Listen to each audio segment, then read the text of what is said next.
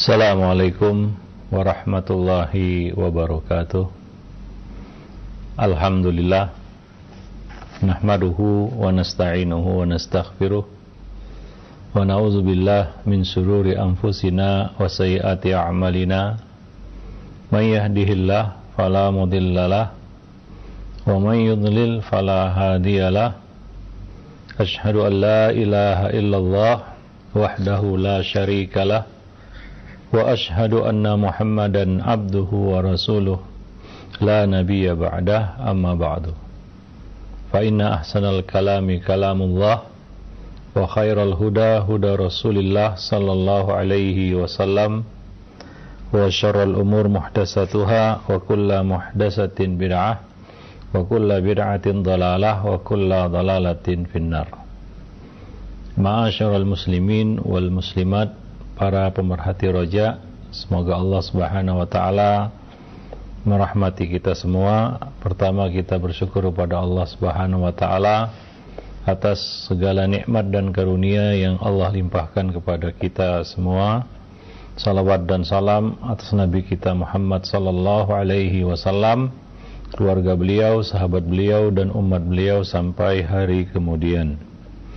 Para pemerhati roja kaum muslimin dan muslimat yang dimuliakan Allah, pada kesempatan siang ini kita kembali bertemu, kita masih bersama buku Talbis Iblis tulisan Ibnul Jauzi. Pada kesempatan siang ini kita masih melanjutkan pembahasan bab Talbis Iblis terhadap kaum sufi terkait klaim tawakal namun tidak mau berusaha dan tidak juga siap siaga dalam persoalan harta. Menurut pandangan sebahagian mereka, menabung ataupun menyimpan harta itu menafikan tawakal. Jika seseorang masih menyimpan harta, maka dia belum dikatakan bertawakal. Seperti diriwayatkan dari Muhammad dia berkata, aku bertanya kepada Abu Ya'qub Az-Zayyad, ihwal hakikat tawakal. Maka Az-Zayyad mengeluarkan uang dirham miliknya baru menjawab pertanyaanku. Dia memberikan kepada tawakal haknya. Dia berkata, aku malu menjawab pertanyaanmu sementara aku masih menyimpan satu dirham ini.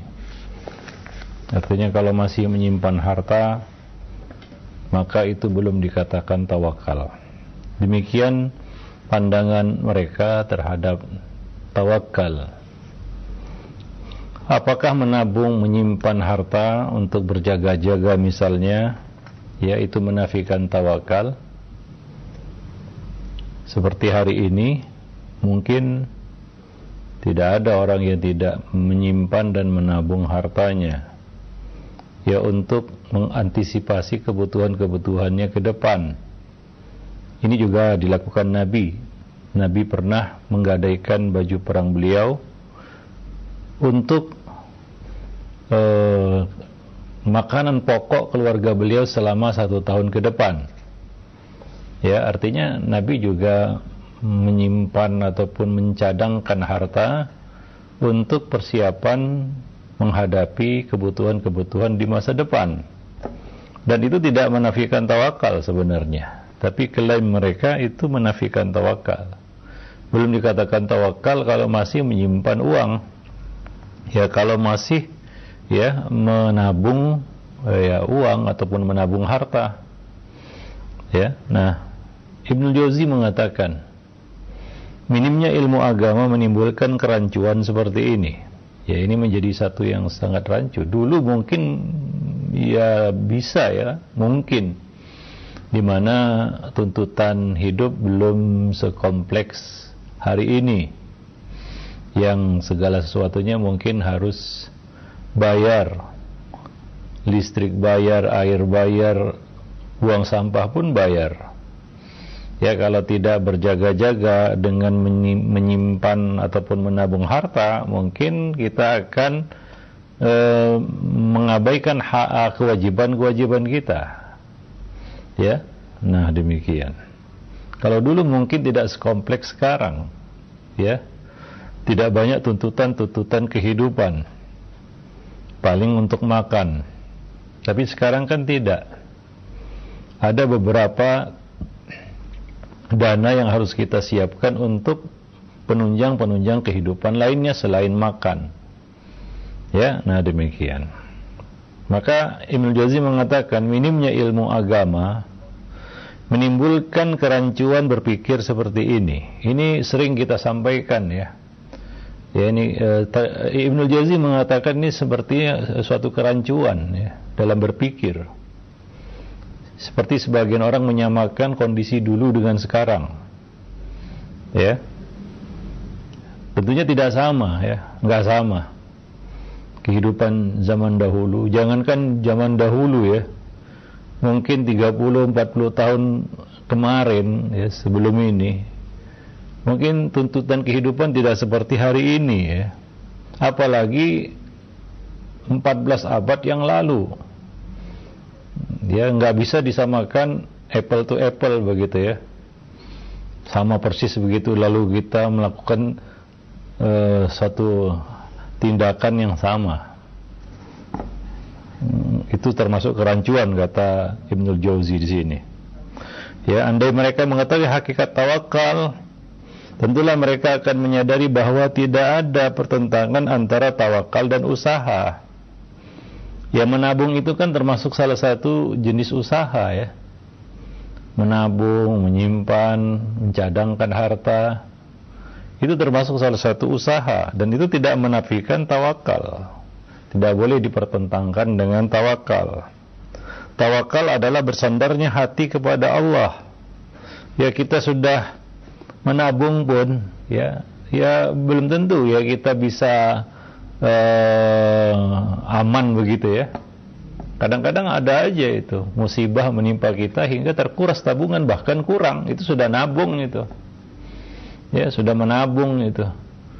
Kadang-kadang kurang karena apa? Karena kita nggak tahu ya ujian-ujian yang Allah berikan kepada kita. Banyak orang-orang yang terkuras tabungannya karena musibah yang menimpanya itu yang sudah menabung, sudah ikhtiar, maka dia perlu bersandar kepada Allah.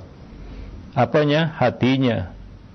Bahwa apa pun yang kita lakukan, ketetapan akhirnya tetap ada di tangan Allah. Di situlah seorang muslim perlu bertawakal kepada Allah subhanahu wa ta'ala.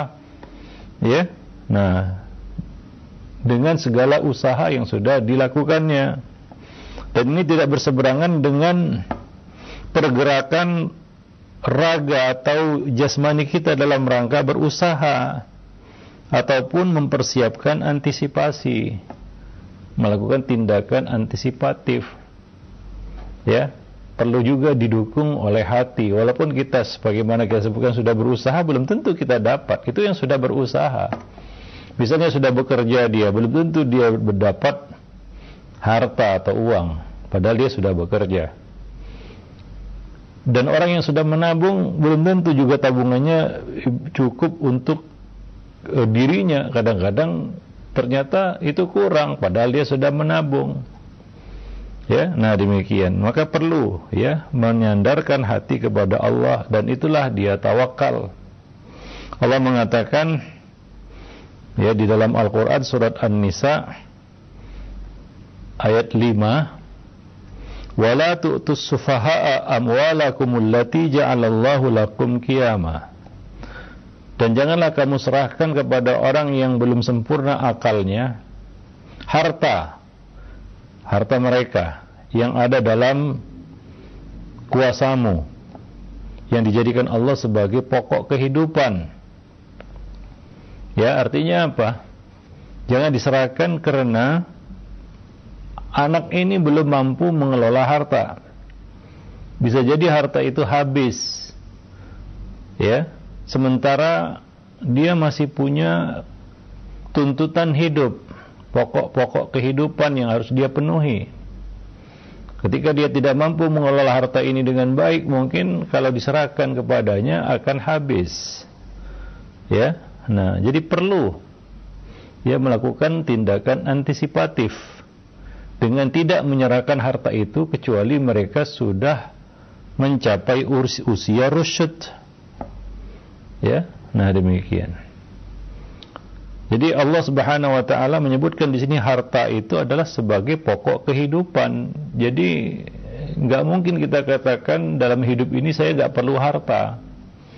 Bohong juga itu.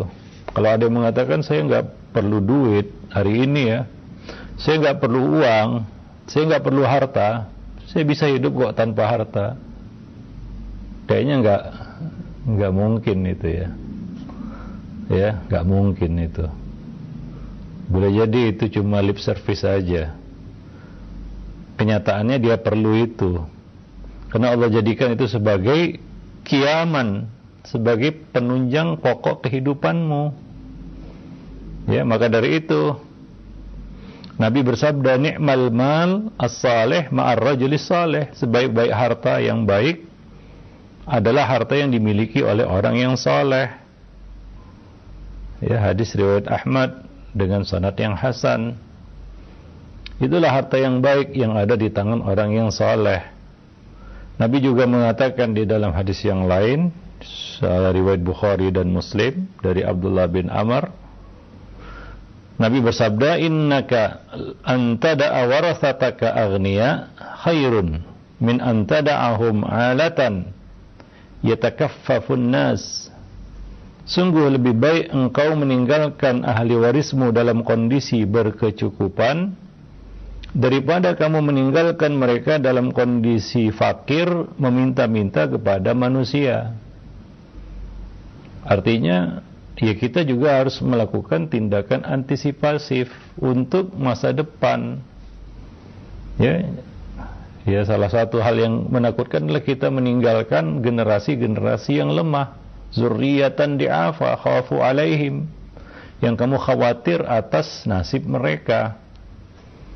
Ya maka kita perlu juga melakukan hal-hal yang menunjang ya pokok kehidupan kita di kemudian hari sebagaimana kita katakan bohong kalau ada yang mengatakan saya nggak perlu uang saya nggak perlu harta saya bisa hidup tanpa harta Allah sendiri mengatakan dia adalah kiaman ya pokok kehidupan harta itu allati ja'alallahu lakum kiaman. Apa itu? Amwal. Harta. Ya. Nah, cuma seperti makan juga. Kalau ada yang mengatakan saya hidup bisa hidup tanpa makan. Saya bisa hidup tanpa makan, tanpa minum. Bohong. Dia perlu makan, dia perlu minum.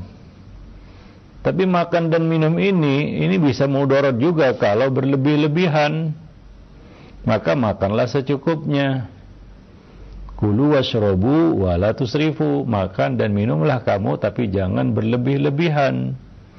Demikian juga di dalam bab harta ini, harta dunia ini, ya. Silakan. Fa idza qudiyatis salatu fantashiru fil ard. Jika sudah selesai salat, kamu melaksanakan kewajibanmu ibadah kepada Allah, Fantashiru fil ard, bertebaranlah kamu di muka bumi untuk mencari harta. Ya. Wabtaghu min fadlih, carilah dari karunia Allah Subhanahu wa taala. Ardullahi wasi'ah, fatuhajiru fiha. Bumi Allah luas, kamu bisa mencari harta di mana pun kamu suka. Ya, kamu bisa berpindah ke sana kemari untuk mencari harta.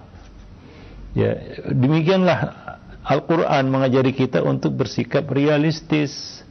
Hidup bukan menghayal, bukan berimajinasi, bukan mimpi. Ya, nah sebagian orang kadang-kadang lebih suka bermimpi begitu. Mimpi gak berusaha apa-apa, tapi hidupnya bisa dicukupi. Nabi aja berusaha, bekerja. Para nabi makan, mencari nafkah dari hasil kerja tangan mereka sendiri. Itu para nabi dan rasul yang ditugaskan untuk menyampaikan risalah Allah. Bisa saja mereka berpikiran, wah saya sudah nggak perlu cari harta lagi. Kenapa? Karena saya memikul tugas amanah dari Allah. Nggak seperti itu juga. Itu para nabi dan rasul masih mencari harta, mencari nafkah dengan tangan mereka sendiri dengan hasil kerja keras mereka sendiri. Apalagi kita yang bukan siapa-siapa. Ya. Maka Seperti makan dan minum juga, kita perlu makan dan minum tapi jangan berlebih-lebihan. Demikian juga di dalam dunia ini ya kita juga perlu harta, tapi jangan berlebih-lebihan juga. Ya maka nggak mungkin orang itu nggak perlu harta sebagaimana nggak mungkin orang itu nggak perlu makan dan minum. Itulah realita kehidupan. Maka hidup ini jangan mimpi, ya jangan berkhayal, berimajinasi seperti hidup di surga aja begitu ya nggak perlu usaha datang semua rezeki itu di surga bukan di dunia kalau kita menghayal seperti itu dunia itu salah itu cara berpikir yang keliru. Seperti yang dikatakan oleh Ibnu Jauzi tadi ini karena minimnya ilmu agama yang menimbulkan kerancuan berpikir seperti ini.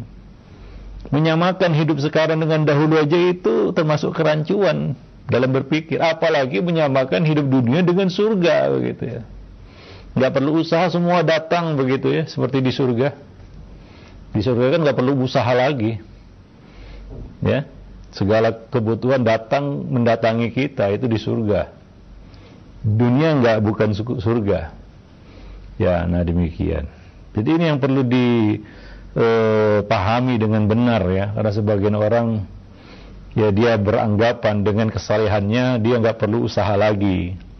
Dengan ibadahnya yang hebat dia nggak perlu berikhtiar lagi. Allah pasti mencukupinya datang rezeki dari langit. Enggak enggak seperti itu juga cara berpikir yang benar ya apalagi ya kita katakan dikaitkan dengan tawakal dan menabung gitu ya karena ada juga yang berprinsip nggak boleh buka tabungan nggak boleh menabung Ya menabung itu menafikan tawakal.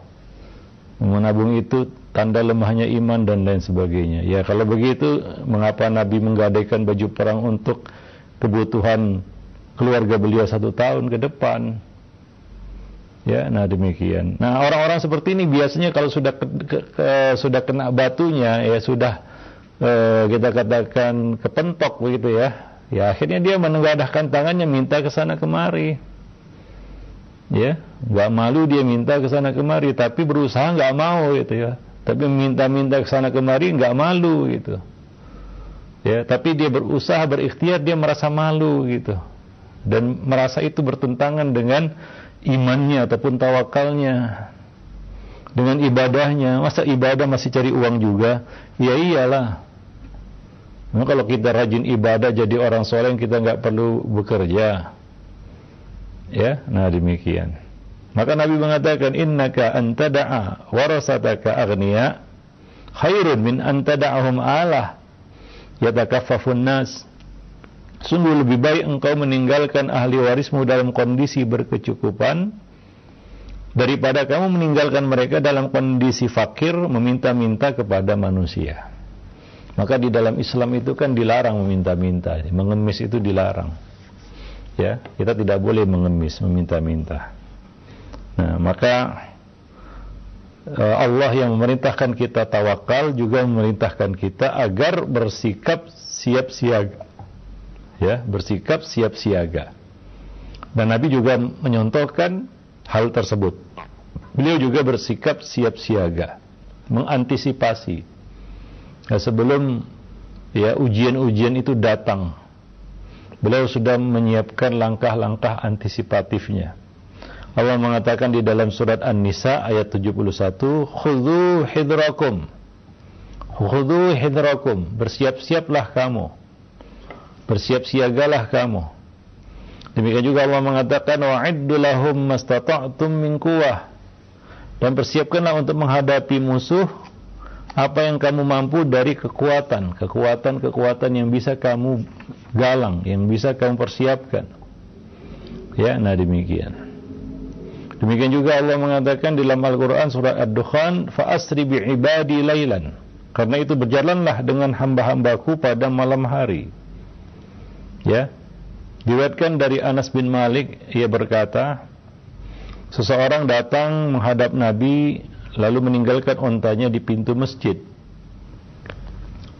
Dia bawa onta, dia naik onta, ya sampainya di masjid dia tinggalkan ontanya di pintu masjid Rasulullah kemudian menanyakan hal itu kepadanya dia menjawab Aku membiarkan onta itu dan aku bertawakal kepada Allah. Aku nggak mengikatnya, aku biarkan dia di luar. Aku tawakal saja kepada Allah. Maka Nabi berkata, "Kilha wa tawakkal." Ikatlah onta itu dulu baru kemudian tawakal.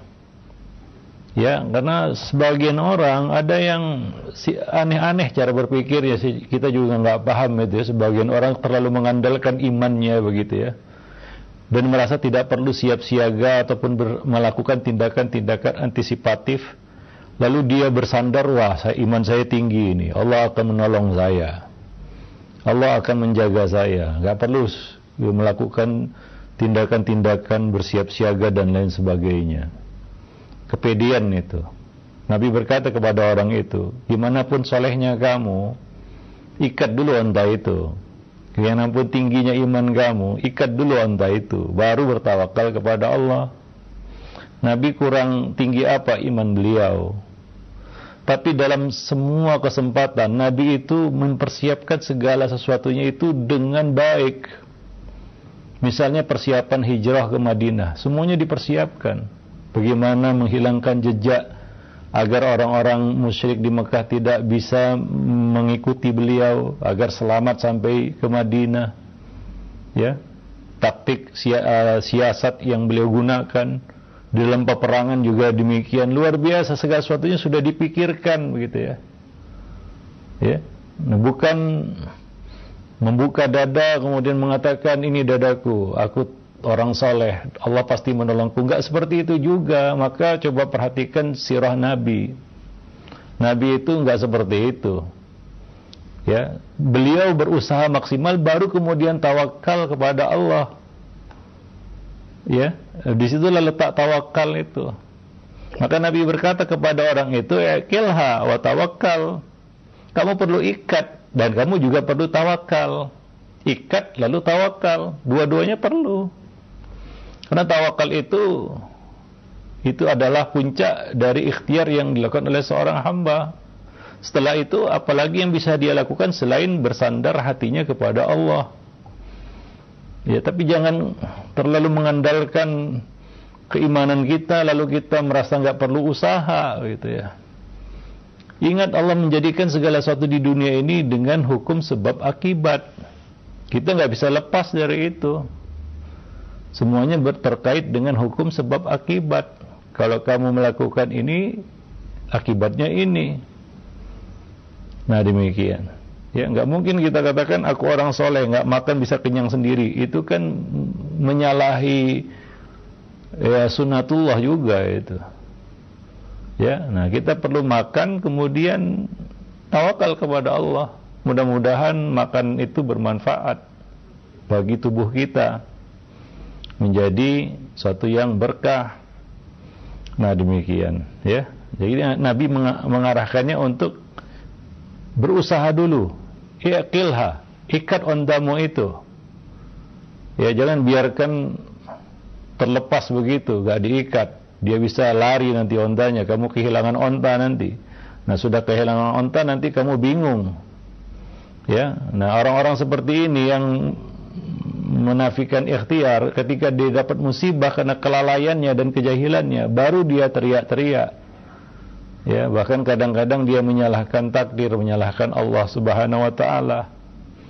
Ya tapi ketika tiba masanya dia harus berikhtiar dia malas. Ya dia tidak mau melakukan itu.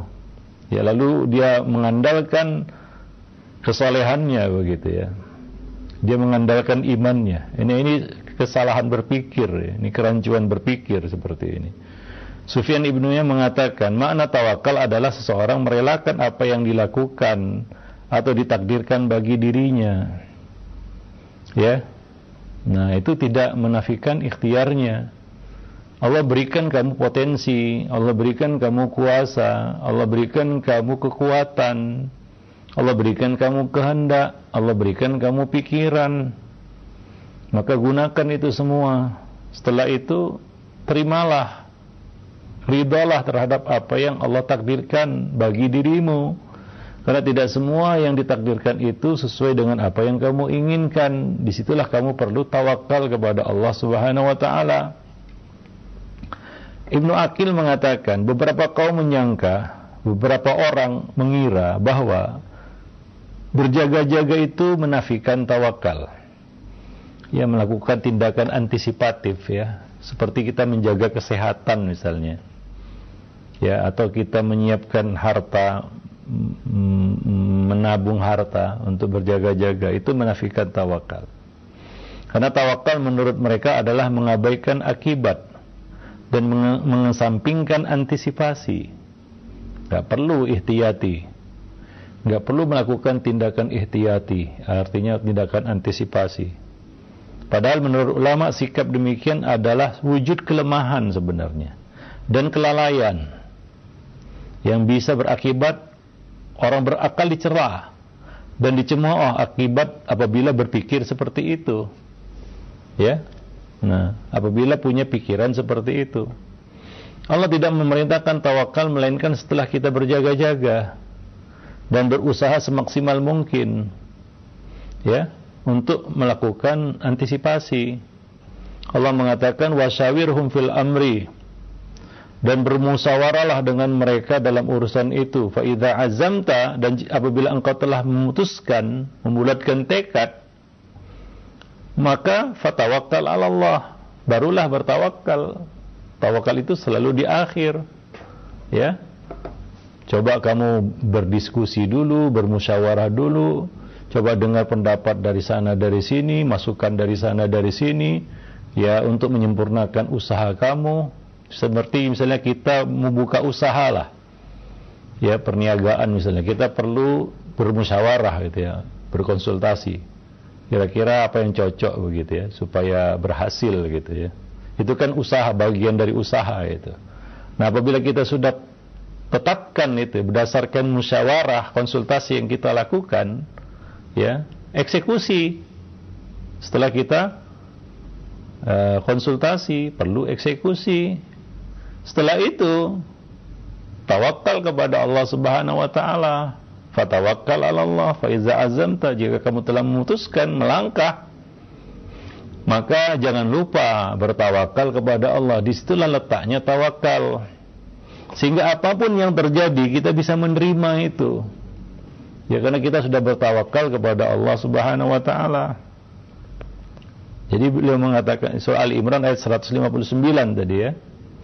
Nah, bukankah beliau mengatakan Ibnu Jauzi mengatakan, bukankah musyawarah bertujuan meminta pendapat ya yang darinya diambil langkah untuk berjaga-jaga dan siap siaga dalam menghadapi segala sesuatu menghadapi musuh misalnya kita perlu bermusyawarah ya atau ya seperti kita sebutkan tadi kita mau buka usaha misalnya kita perlu konsultasi ya karena kadang-kadang karena kita kurang konsultasi ya hingga kita mengambil pertimbangan yang keliru mengambil keputusan yang salah itu bagian dari usaha sebenarnya.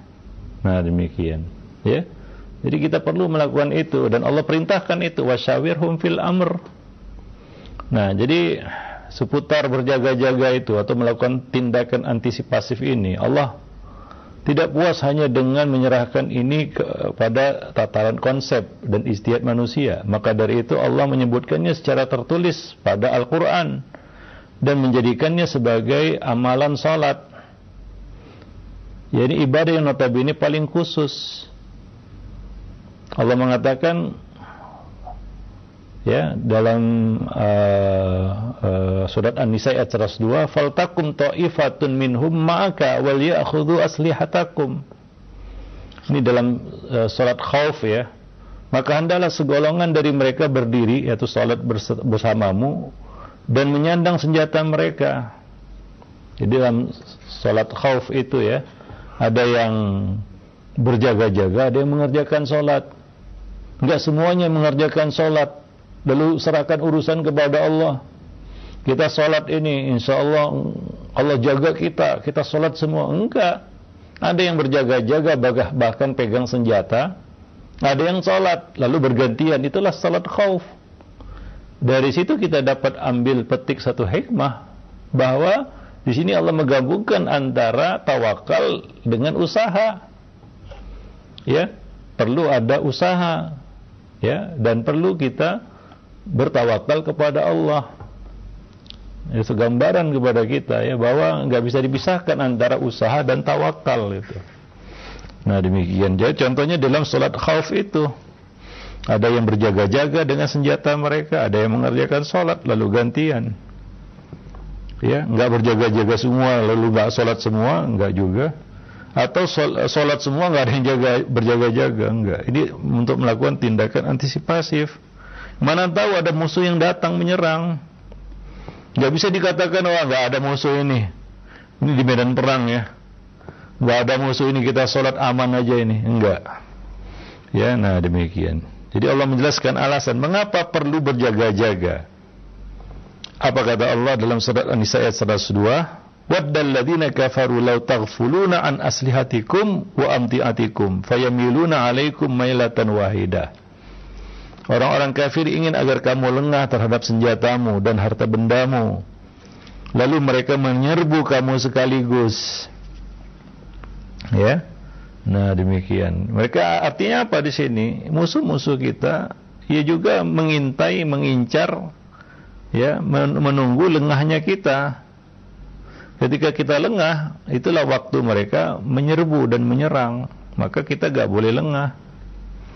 Nah demikian. Jadi kita perlu bersiap siaga walaupun dalam kondisi mengerjakan sholat begitu ya. Nah orang yang mengetahui bahwa berjaga-jaga itu seperti dalam ayat tersebut tentunya tidaklah memahami bahwa sikap tawakal adalah dengan meninggalkan ya segala sesuatu meninggalkan berjaga-jaga bersiap siaga ya dan berikhtiar. Nah, kata tetapi tawakal adalah menyerahkan segala sesuatu yang tidak bisa diupayakan kepada Allah. Ya, yaitu setelah berjaga-jaga bukan berarti juga kita aman dari serangan musuh. Bisa aja musuh menyerang padahal kita sudah berjaga-jaga. Apalagi ya memang nggak dijaga gitu. Dan itu yang ditunggu oleh orang-orang kafir.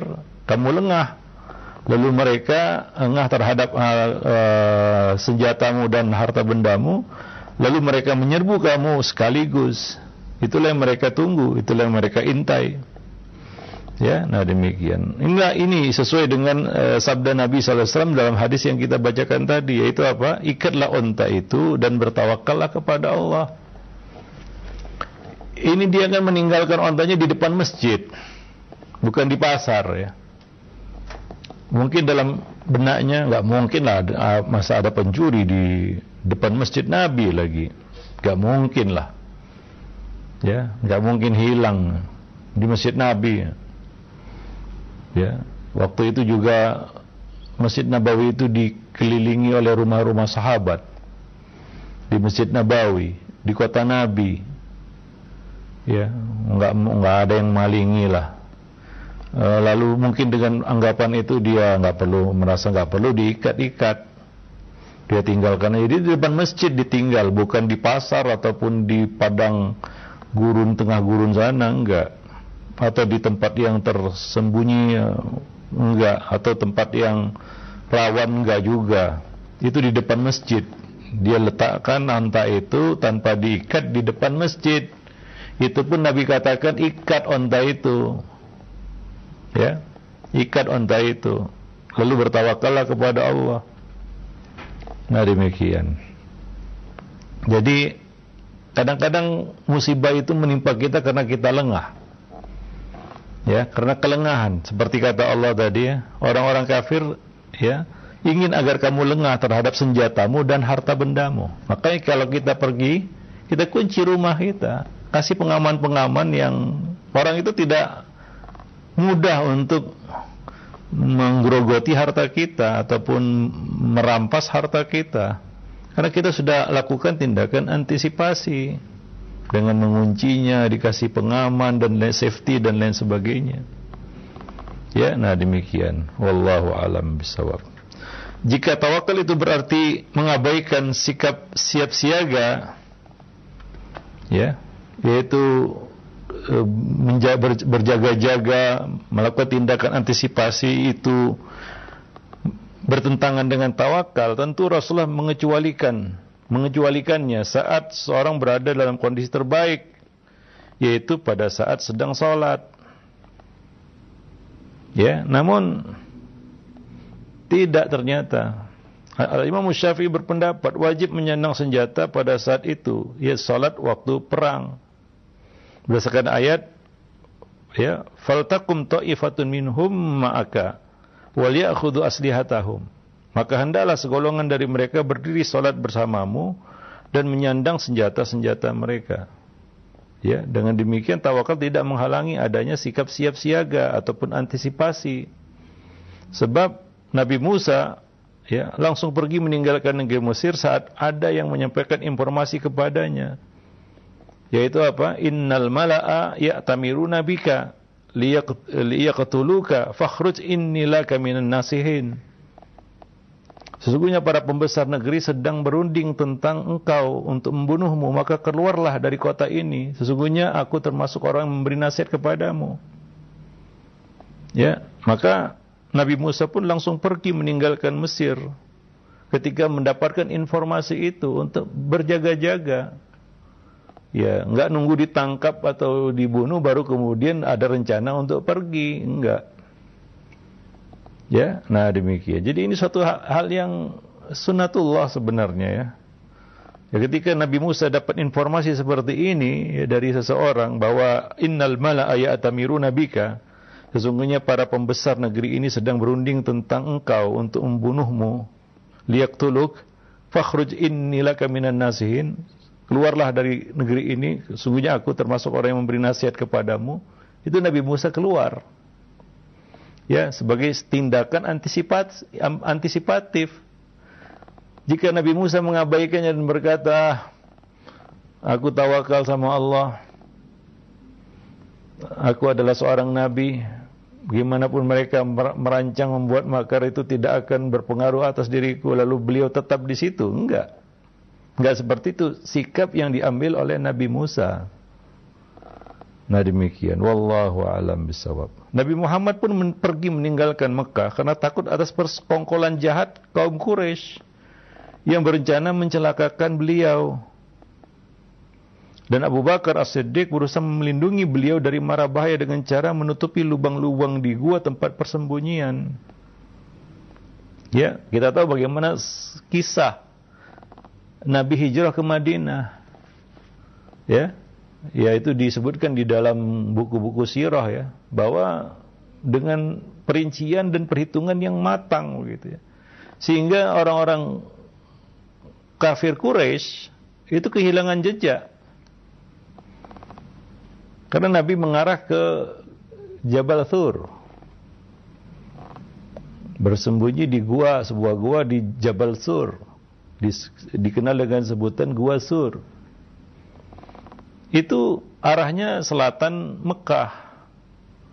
Sementara orang-orang musyrik tahu bahwasanya Nabi mau hijrah akan uh, pergi hijrah ke Yastrib, Madinah. Yang notabene letaknya di utara Mekah di utara Mekah. Ini pasti Nabi akan mengarah ke utara itu ya, bukan ke selatan. Tapi Nabi justru mengambil jalan ke selatan, bermanuver begitu ya, untuk mengelabui orang-orang musyrik. Itu kan tindakan antisipasi ya, berjaga-jaga, bersia apa namanya bersiasat gitu. Nah bukan tawakal aja sudah ngarah ke utara begitu, dikejar nggak akan kejar, Allah akan menolong enggak. Allah menolong nabinya. Ya itu pun ketika Nabi sudah mengarah ke selatan, mereka mencari-cari juga ke selatan, ke segala penjuru sebenarnya, tapi mereka enggak yakin betul Nabi itu pergi ke arah selatan. Nah demikian. Ya wallahu alam bisawab. Nah, jadi banyak sekali pelajaran-pelajaran yang mungkin bisa kita ambil ya dari sirah Nabi SAW. Bagaimana Nabi itu berikhtiar penuh, ya, bersiap siaga, gitu ya untuk mencapai suatu tujuan. Untuk menang perang juga Nabi bersiap siaga. Ya. Musuh pakai pedang, Nabi juga pakai pedang. Walaupun ya jumlahnya enggak seimbang. Tapi tetap pakai senjata yang sama. Mereka punya pasukan berkuda, Nabi pun punya pasukan berkuda walaupun enggak banyak. tapi punya begitu ya, berusaha, berikhtiar begitu. Karena itu perlu dalam peperangan yang menunggang kuda gitu. Ya, nah demikian. Wallahu alam bisawab. Nah demikian nanti kita lanjutkan lagi pada pertemuan-pertemuan yang akan datang insya Allah masih berkaitan dengan bab antara tawakal dan ikhtiar. Subhanakallah bihamdik asyhadu an la ilaha anta astaghfiruka wa atubu. Assalamualaikum warahmatullahi wabarakatuh.